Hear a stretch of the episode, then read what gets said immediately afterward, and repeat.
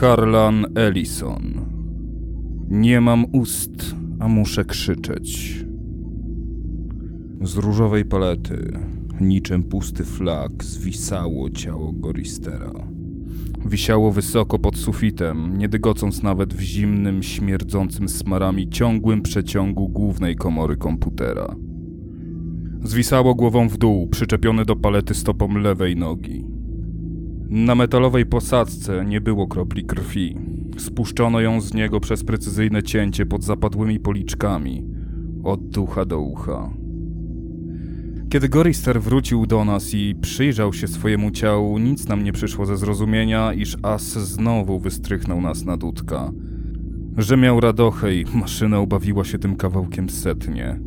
Troje z nas puściło pawia, odwracając się od siebie w odruchu starym jak mdłości, które to wszystko spowodowały. Gorister pobladł, zupełnie jakby ujrzał złego ducha i bał się na wyrost. O Boże! Wyszeptał i odszedł sobie. Poszliśmy za nim. Siedział oparty o któryś z mniejszych jazgoczących sześcianów, głowę ukrył w dłoniach. Ellen uklękła przy nim i pogładziła go po włosach. Nie poruszył się, lecz jego głos dochodził całkiem wyraźnie z pomiędzy palców. Dlaczego nas po prostu nie wykończy raz na zawsze? Jezusie, ja już w ten sposób długo nie podciągnę. Był to 109 rok naszego pobytu w sztolni komputera. Gorister naprawdę mówił w imieniu nas wszystkich. Nimdokowi. Do przyjęcia takiego miana zmusiła go maszyna Boasa. Bawiły dziwaczne brzmienia. Wywołano nowe halucynacje. Widział puszki konserw w lodowcowych jaskiniach. Ja i Gorister nie wierzyliśmy w tę wizję. Kolejny bzdet, powiedziałem im. Podobnie jak ten pieprzony, zamrożony słoń, na którego nas nabrał. Benny mało wtedy co nie oszalał. Przyjdzie nam pokonać kawał drogi, a znajdziemy tylko zgniliznę albo jakiś inny syf. Słuchajcie, dajmy sobie spokój. Nie ruszajmy się stąd. Musi nam coś zaproponować do żarcia, inaczej tu zdechniemy. Benny wzruszył ramionami w geście rezygnacji. Minęły już trzy dni, odkąd mieliśmy coś w ustach. Grube i miękkie robaki. Nimdok sam już nie wiedział co lepsze. Ryzyko w ich spożywaniu widział, ale chudł. Tam nie mogło być gorzej niż tutaj. Zimniej, ale to nie miało większego znaczenia. Mróz czy upał, deszcz lawy, ukropu bądź manny z nieba, co to za różnica? Maszyna branzlowała się naszym cierpieniem, a nam pozostawało brać co daje albo zdechnąć. Pogodziła nas Ellen. Ja muszę coś zjeść, Ted. Tam mogą być gruszki lub brzoskwinie. Proszę cię, Ted, zaryzykujmy jeszcze raz. Uległem bez oporu. Do diabła, było mi wszystko jedno. Jednakże Ellen potrafiła być wdzięczna. Dwa razy kopsnęła mi poza kolejnością. To też było bez znaczenia. Maszyna chichotała za każdym razem, gdy się bzykaliśmy. Głośno, w górze, za nami, wszędzie wokoło. Ellen i tak nigdy nie miała orgazmu, więc co za różnica. Wyruszyliśmy w czwartek. Maszyna zawsze pilnowała naszego terminarza. Upływ czasu był ważny. Oczywiście nie dla nas do kurwy nędzy, a dla niej. Czwartek, dzięki. Nimdok z Goristerem nieśli Ellen, ułożywszy z nadgarstków stołeczek. Benny szedł przodem, a ja z tyłu dla pewności, że jeżeli coś się stanie, to przynajmniej Ellen będzie bezpieczna. Bezpieczna, ale syf. Do jaskiń było ze 100 mil. Na drugi dzień, kiedy odpoczywaliśmy pod stworzoną dla nas imitacją słońca, As zesłał mannę. Smakowała gotowanym moczem świni. Zjedliśmy. Trzeciego dnia szliśmy przez dolinę wypełnioną rdzewiejącym ścierwem wiekowego hardware'u komputera. As był równie bezlitosny wobec własnych elementów, co i naszych istnień. Dążył do doskonałości, gdy chodziło mu o usunięcie niesprawnych części własnego, wypełniającego świat cielska. Czy doskonalenie metod znęcania się nad nami, As był tak sprawny, jak tylko jego stwórcy, od dawna już obróceni w proch, mogli sobie wymarzyć. Z góry padało nikłe światło. Wiedzieliśmy, że musimy znajdować się blisko powierzchni. Jednak nie spróbowaliśmy wyczołgać się na świat i rozejrzeć. Na zewnątrz nie było dosłownie nic od ponad stu lat. Nie było nic, co dałoby się uznać za dom. Jedynie jałowa skorupa, cmentarzysko miliardów. Teraz pozostało nas tylko pięcioro, głęboko w sztolniach. Sam na sam z Asem. Usłyszałem gorączkowy głos Ellen. Benny, nie rób tego, błagam cię, nie rób! Nagle dotarło do mnie, że od dłuższej chwili Benny mamrocze pod nosem. Wylezę, wylezę. I tak w kółko. Ale na jego małpiej twarzy widać było tylko wyraz błogosławionej szczęśliwości i rozpaczy, obu emocji jednocześnie. Blizny popromienne, jakie otrzymał od Asa w trakcie igraszek, ściągnęły twarz w plątaninę różowych zmarszczek i wyglądało to tak, jakby obie jego fizjonomie operowały niezależnie od siebie. Benny był chyba największym szczęściarzem z naszej piątki. Kompletnie, całkowicie zbzikował już wiele lat temu. Jednak chociaż wolno nam było wyzywać Asa do woli, snuć najplugawsze myśli o przepalonych obwodach, strzaskanych pulpitach, o stopionych blokach pamięci i skorodowanych procesorach, maszyna nie tolerowała żadnych prób ucieczki. Benny uskoczył, gdy rzuciłem się na niego. Wdrapał się na płytę niedużego, wypełnionego szmelcem segmentu. Przykucnął, wyglądając przez chwilę jak szympans, do którego As zamierzał go upodobnić. Wskoczył do góry i chwycił się zwisającego pręta spodziurawionego, przeżartego rdzą metalu. Szybko przeplatając ręce, nim wspiął się jak zwierzę aż na sterczący dwadzieścia stóp nad nami dźwigar. Och, Ted, nim do... błagam, ratujcie go, ściągnijcie zanim... Urwała, miała łzy w oczach, bezładnie poruszała rękami. Było już za późno. Żaden z nas nie chciał się znajdować przy nim, gdy nastąpi to, co musiało nastąpić. A poza tym przejrzeliśmy już wszyscy przyczyny troski Eleno Benego. Kiedy szalejący As go odmienił, przerobił mu nie tylko gębę. Benny miał olbrzymiego fiuta, a ona go ubóstwiała. Obsługiwała i nas, ale kochała tylko jego. O Helen, cokołowa Ellen, dziewiczo czysta Ellen, o Ellen niepokalana, rynsztokowa kurwa. Gorister dał jej klapsa. Osunęła się na ziemię i płacząc wznosiła oczy do szalonego Benego. To była jej najsilniejsza broń płacz. Przyzwyczailiśmy się do jej łez 75 lat temu. Gorister przykopał ją w żebra. Wtem rozlękł się ów dźwięk, który był światłem. Ni to dźwięk, ni to światło. Zaczęło to coś świecić Benemu z oczu i pulsować, głośniejąc i jaśniejąc coraz bardziej, w miarę jak rosła częstotliwość światło dźwięku. Musiało mu to sprawiać ból. Wzmagający się wraz z jaskrawością światła i narastaniem głośności dźwięku, bo Benny zaczął kwilić, niczym zranione zwierzę. Z początku cichutko, potem głośniej, przykurczając ramiona, wypychał grzbiet, jakby próbując uciec od tego. Dłonie złożył na piersi, jak u wiewiórki. Głowę przekrzywił na bok. Później zaczął wyć, a dobywający się z jego oczu skowyt rozbrzmiewał coraz głośniej, jeszcze głośniej. Oburącz ścisnąłem głowę, ale nie mogłem się odgrodzić od dźwięku, przenikał z łatwością. Ból wywoływał w ciele dreszcze, podobnie jak przesuwanie po zębie cynfolią. I nagle Benego wyprostowało, poderwało na nogi, niczym marionetkę. Stał na dźwigarze.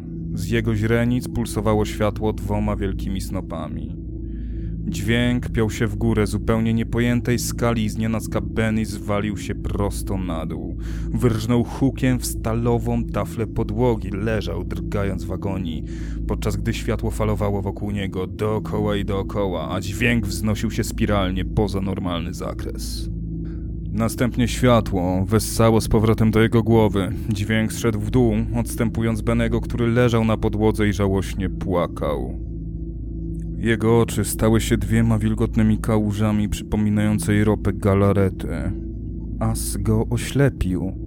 Gorister, Nimdok i ja odwróciliśmy się, ale zdążyliśmy uchwycić wyraz ulgi na rozpalonej, zatroskanej twarzy Ellen. Obozowaliśmy w zalanej szmaragdowym światłem jaskini. As dostarczył nam łuczywa. Skupiliśmy się wokół nikłego, patetycznego ognia, opowiadając Benemu historię, aby nie płakał pośród swej wiecznej nocy. Co oznacza As? Odpowiedział mu Gorister. Wałkowaliśmy tę scenę już z tysiąc razy, lecz Benemu sprawiało to chyba frajdę. Z początku znaczyło afiliacyjny superkomputer, później adaptacyjny supermanipulator. Wreszcie wytworzył sobie wrażliwość na bodźce zmysłowe, zjednoczył się i nazwali go agresywnym strażnikiem. Ale wtedy już było za późno, bo sam z siebie stał się inteligentny i nazwał się Asem. A to ma znaczyć jestem. Cogito ergo sum. Myślę, więc jestem. Ben ślinił się trochę i prychał. Był sobie chiński as, ruski as i Jankesów i... Zamilkł. Benny tługł wielką, twardą pięścią w płytę podłogi. Był zły, bo Gorister pominął początek historii. Rozpoczęła się zimna wojna. Na nowo podjął Gorister, co przerodziła się w trzecią wojnę światową i tak się po prostu toczyła. Wojna była bardzo skomplikowana, więc potrzebowali komputerów do jej prowadzenia. Wykopali pierwsze głębokie sztolnie i zaczęli je budować. Powstał chiński as, ruski Jankesów i wszystko grało, aż zrobili z tymi sztolniami z planety istny plaster miodu, tu dodając jedną komórkę, tam drugą. A pewnego dnia As obudził się z samoświadomością i zaczął wprowadzać do swojej pamięci wszystkie informacje o zabijaniu. Aż wreszcie wszyscy ludzie zginęli, oprócz nas pięciorga i As sprowadził nas do siebie. Benny uśmiechał się i ślinił. Ellen rąbkiem spódnicy otarła mu wydzielinę z kącika ust. Gorister zawsze starał się opowiedzieć historię nieco obszerniej, lecz poza faktami nie było o czym mówić. Nikt z nas nie wiedział, po co As oszczędził pięcioro ludzi, ani dlaczego właśnie nas, ani po cholerę swój czas poświęcił znęcaniu się nad nami, ani nawet w jakim celu uczynił nas faktycznie nieśmiertelnymi. Któryś z bloków komputera zaczął buczeć w ciemności, ton podjął inny pół mili dalej, w głębi jaskini. Jeden po drugim elementy komputera poczęły się kolejno stroić i słychać było cichy jazgot, biegnący jak myśl przez maszynę. Dźwięk wciąż narastał, światełka błyskały na pulpitach kontrolnych. Buczenie spotężniało do głosu miliona metalowych owadów, wkurzonych i złowrogich. Co jest? Krzyknęła Ellen. W jej głosie słychać było przerażenie. Ciągle jeszcze nie przyzwyczaiła się do tego. Tym razem będzie źle, stwierdził Nimdok. Zaraz przemówi, dołożył Gorister. Wynośmy się stąd, powiedziałem, zrywając się na nogi. Nie, siadaj, Ted, może wokół są rozmieszczone wilcze doły lub coś podobnego. Nic nie widać, jest za ciemno, powiedział z rezygnacją Gorister. Wówczas usłyszeliśmy... nie wiem co. Coś sunęło ku nam. Ogromne, włochate, wilgotne szło do nas, powłóczając nogami. Nie widzieliśmy tego, ale wrażenie było nieodparte. Czuliśmy, jakby jakieś potworne cielsko przeciskało się w naszą stronę. Gdzieś z ciemności waliła na nas olbrzymia masa. Czuliśmy to wrażenie nacisku, naporu powietrza na niewielką, ograniczoną przestrzeń, rozpychania niewidzialnych ścian nieba. Benny zaczął skomleć, nim dokowi zadrżała dolna warga. Usiłował powstrzymać Tik, zaciskając na wardze zęby. Ellen przejechała na pupie po metalowej podłodze i zwaliła się na Goristera. W jaskini cuchnęło mokrą sierścią, ciągnęło zwęglonym drewnem, śmierdziało zakurzonym pluszem, rozkładem gnijących storczyków, kwaśnym mlekiem, siarką, zjełczałym masłem, rozlanym mazutem, smarem, pyłem kredowym, ludzkimi skalpami. As nas dostrajał, podkręcał, pachniało. Usłyszałem własny krzyk, aż zabolały mnie zawiasy szczęki. Zmykałem na czworakach po podłodze, po zimnym metalu z ginącymi w oddali rzędami nitów. Dławił mnie smród, wypełniał głowę bólem, który sprawiał, że pędziłem w przerażeniu. Zwiewałem jak karalów mrok, a to coś nieubłaganie sunęło za mną. Reszta została z tyłu, zebrali się przy ognisku i zaśmiewali się do łez. Ich histeryczny, churalny, obłąkańczy rechot wbijał się w ciemność, jak gęsty, wielobarwny dym z ogniska. Uciekłem i ukryłem się. Ellen zbeształa mnie za dziecinne dąsy, zaś Nimdok próbował przekonać, że z ich strony to była nerwowa reakcja, stąd śmiech. Ale wiedziałem, że nie chodzi tu o ulgę, jaką odczuwa żołnierz, gdy kula zamiast niego trafia w jego sąsiada. Wiedziałem, że to nie był odruch. Oni mnie nienawidzili. Byli moimi wrogami i nawet As wyczuwał w nich nienawiść i w swoich projekcjach pogarszał moją sytuację pogłębianiem tej nienawiści.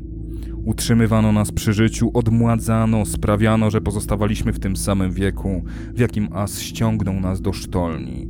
A oni nienawidzili mnie, ponieważ As najmniej we mnie ingerował. Wiedziałem. Boże, jak dobrze to wiedziałem. syny i te kurwiszcze Ellen. Benny był kiedyś genialnym naukowcem, profesorem uniwersytetu. Teraz tylko nieznacznie wyprzedzał intelektem małpy. Był przystojny, ale i to maszyna zniszczyła. Miał jasny umysł, maszyna doprowadziła go do obłędu. Był pedałem, a maszyna obdarzyła go organem w sam raz do walenia klaczy. As dokłębnie popracował nad Benem. Gorister był naprawiaczem rzeczywistości, kontestującym duchem, odmówił służby wojskowej, protestował w marszach pokoju, był myślicielem, człowiekiem czynu, wizjonerem. As obrócił tego człowieka wchodzące wzruszenie ramion, uśpił jego duszę, ograbił go z niej. Nimdok na długie okresy odchodził samotnie w ciemność. Nie wiem, co takiego tam robił. As nigdy nam nie powiedział. Ale cokolwiek to było, Nimdok wracał zawsze śmiertelnie blady, bez kropli krwi na twarzy, wstrząśnięty, cały w drgawkach. As zaingerował w niego dotkliwie, w jakiś szczególny sposób, chociaż nie mieliśmy pojęcia w jaki. No i pozostawała Ellen, cwana dziwka, a w jej przypadku pofolgował sobie, robiąc z niej większą zdzirę niż była. Całe to gadanie o słodyczy i czystości, wspomnienia o prawdziwym uczuciu, kłamstwa, które chciała nam wmówić, jakby była w poprzednim wcieleniu dziewicą. I jeden brud i smród, ta moja pani Ellen, nimfomanka, upustwiała pieprzenie z czterema chłopcami, mieć ich wszystkich dla siebie. Nie, a zdał jej frajdę, nawet twierdziła, że brzydko jest robić te rzeczy. Ja jeden pozostawałem w miarę cały i przy zdrowych zmysłach.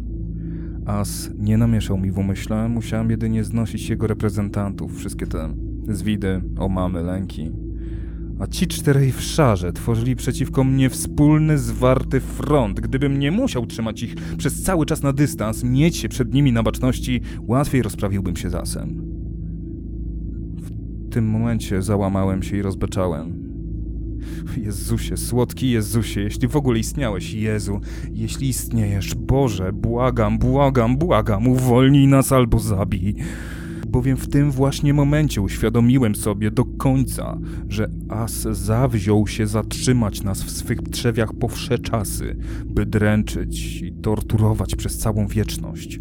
Maszyna nienawidziła nas, jak żadna myśląca istota nigdy przedtem.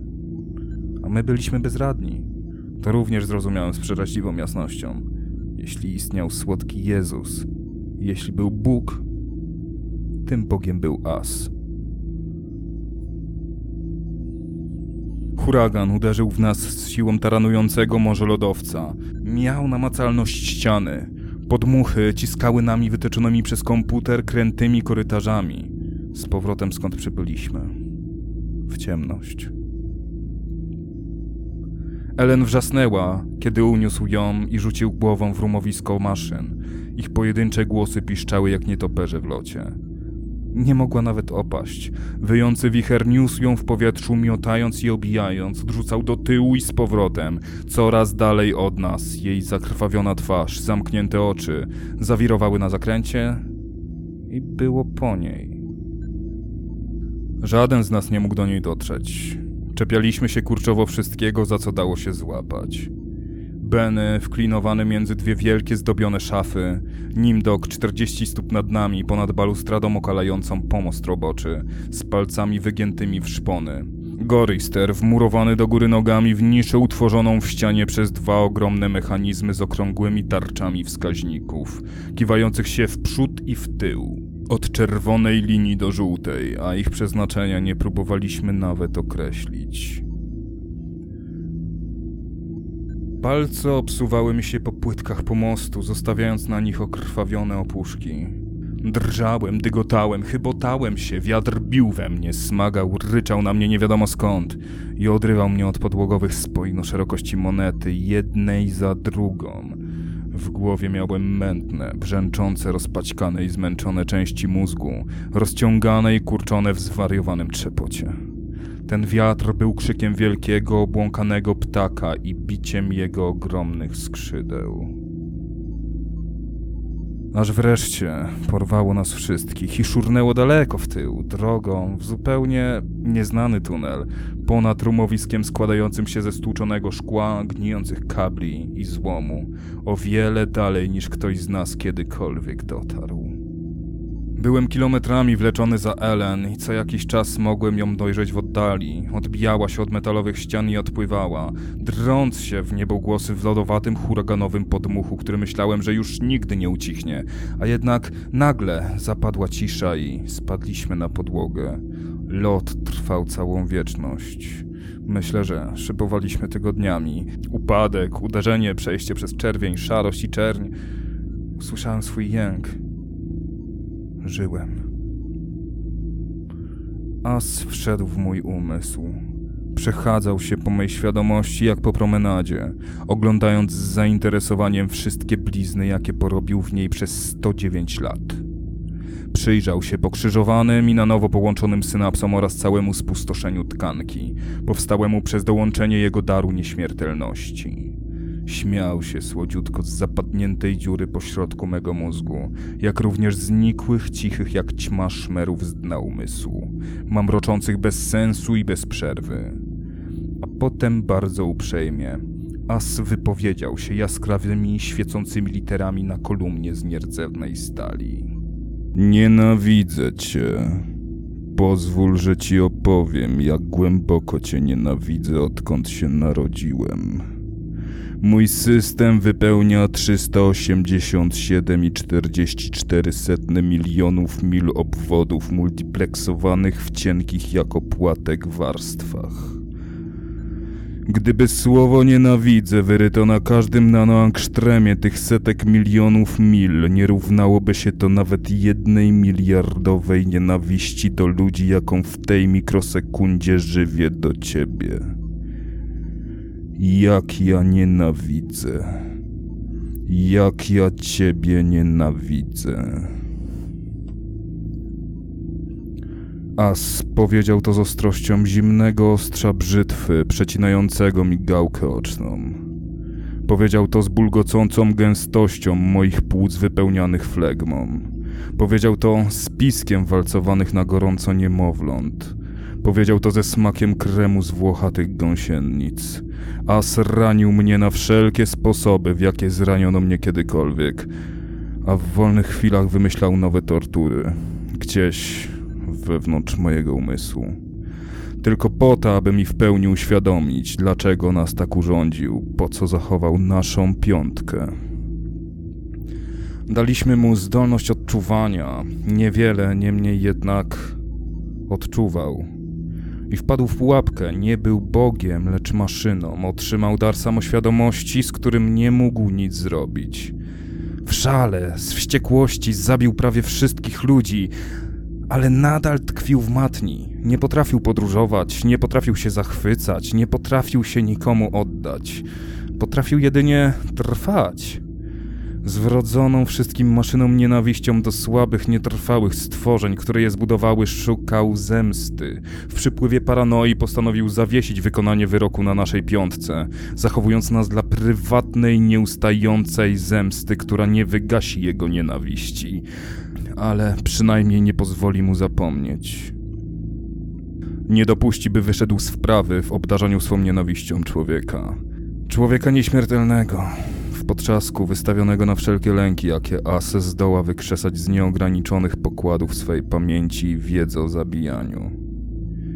Nigdy nas nie wypuści, byliśmy niewolnikami jego trzewi, wszystkim, co mógł zrobić ze swoim nieskończonym czasem. Pozostaniemy z nim po wsze czasy, w jego podziemiach, z pozbawionym duszy światem czystego rozumu.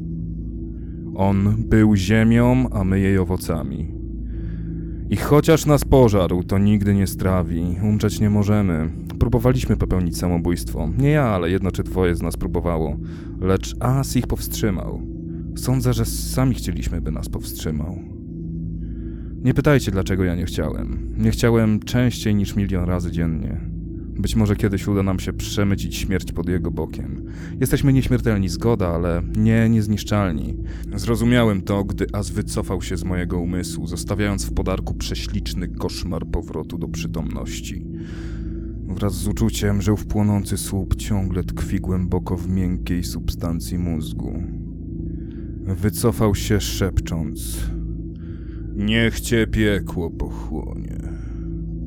A potem dodał wesolutko: Ale przecież w nim już jesteś, prawda? To bicie ogromnych skrzydeł wielkiego, szalonego ptaka zrodziło huragan. Maszerowaliśmy chyba cały miesiąc, a As łaskawie otwierał przed nami drogi wiodące do pewnego miejsca, dokładnie pod biegunem północnym, gdzie zmaterializował te koszmarne monstrum na naszą udrękę. Jakiż kawał materii posłużył do stworzenia takiego potwora? Skąd wziął ten pomysł? Z naszych umysłów? Ze swej znajomości wszystkiego, co kiedykolwiek istniało na planecie, którą teraz niepodzielnie władał? Ten orzeł wyskoczył z mitologii skandynawskiej, ten ścierwnik, ptak rok, Hurelgemir. Wytwór wichrów, huragan wcielony, gigantyczny, nie do opisania, olbrzymi, monstrualny.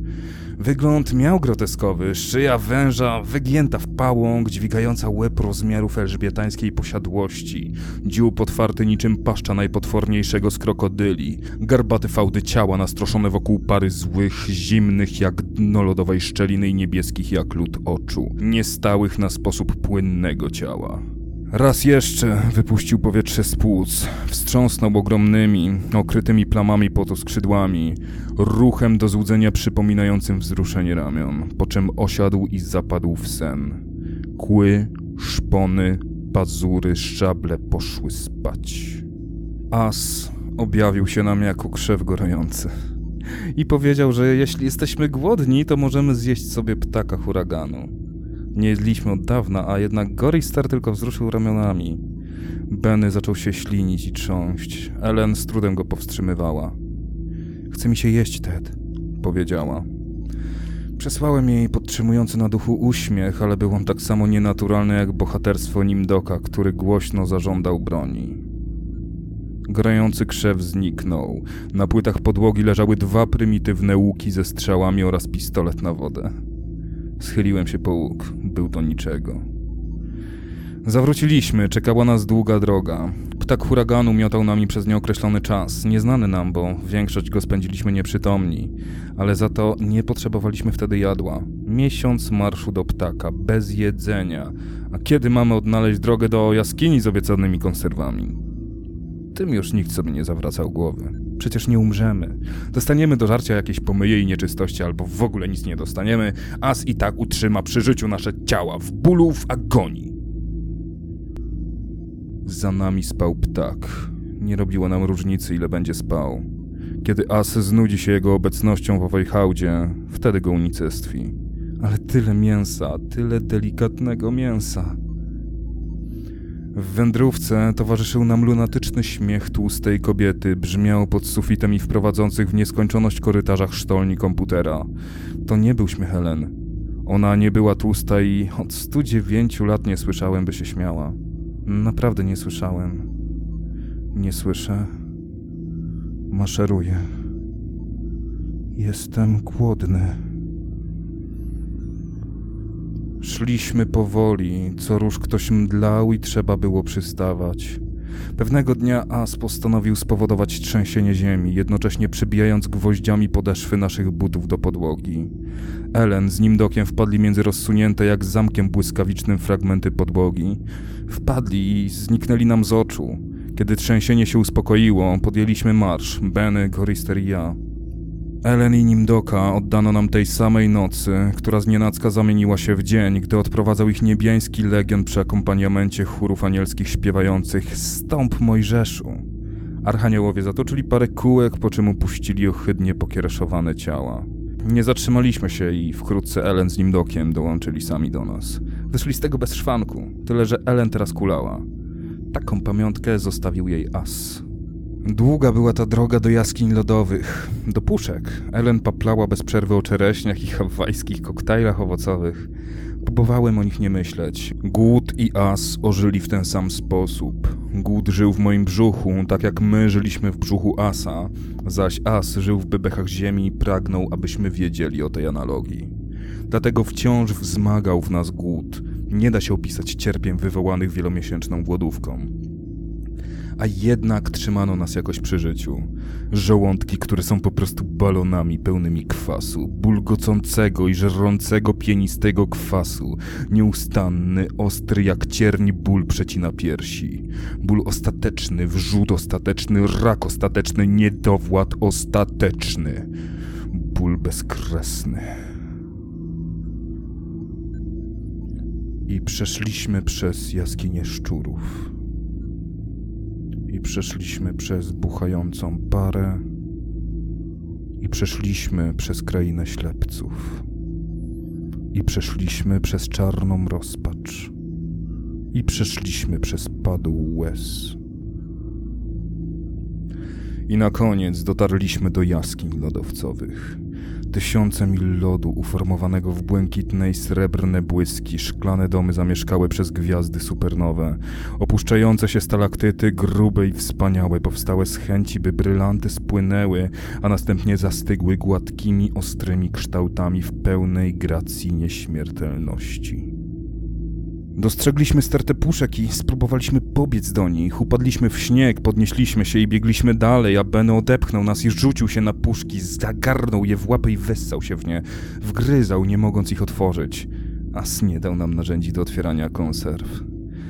Benny porwał trzylitrową puszkę skórek guarany i walił nią w lodową ścianę. Lód kruszył się i pryskał, ale puszka tylko nieznacznie się wgniotła i słyszeliśmy nad sobą śmiech tłustej damy, rozchodzący się echem na wszystkie strony tundry coraz dalej i dalej. Benny całkiem oszalał z wściekłości, rzucał puszkami, a my grzebaliśmy w śniegu i lodzie, szukając wyjścia z beznadziejnej udręki doznanego zawodu.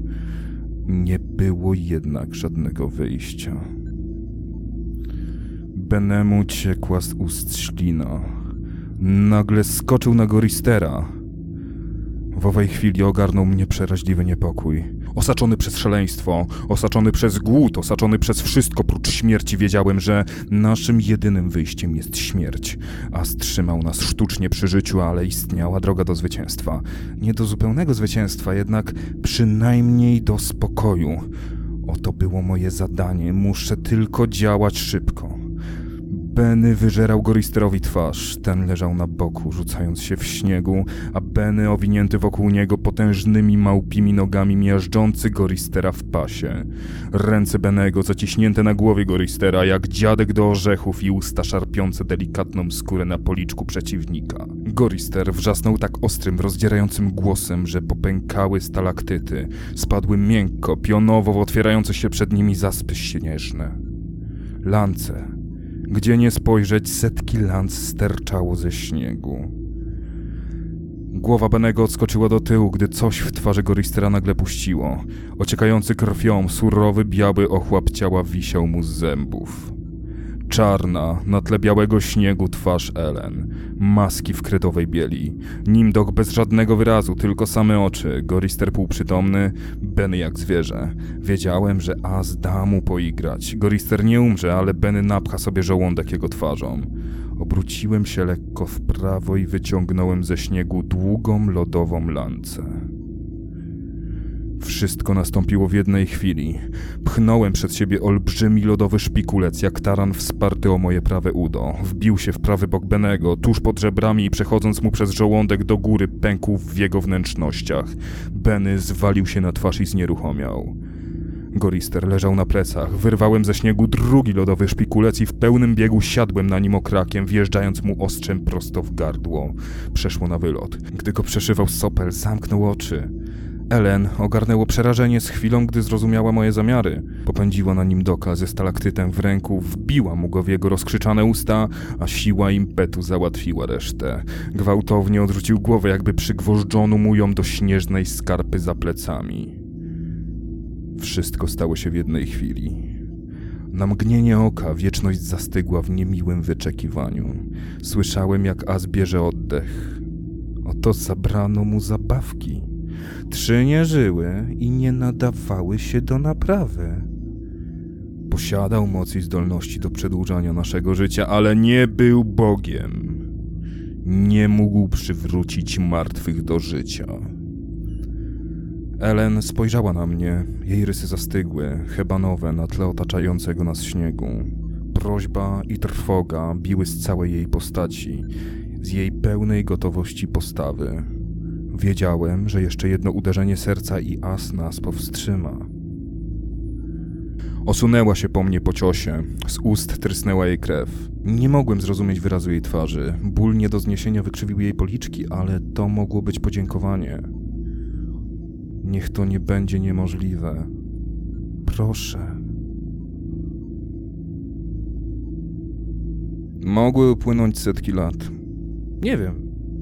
Przez pewien czas As zabawiał się przyspieszaniem i opóźnianiem upływu dni w mej świadomości.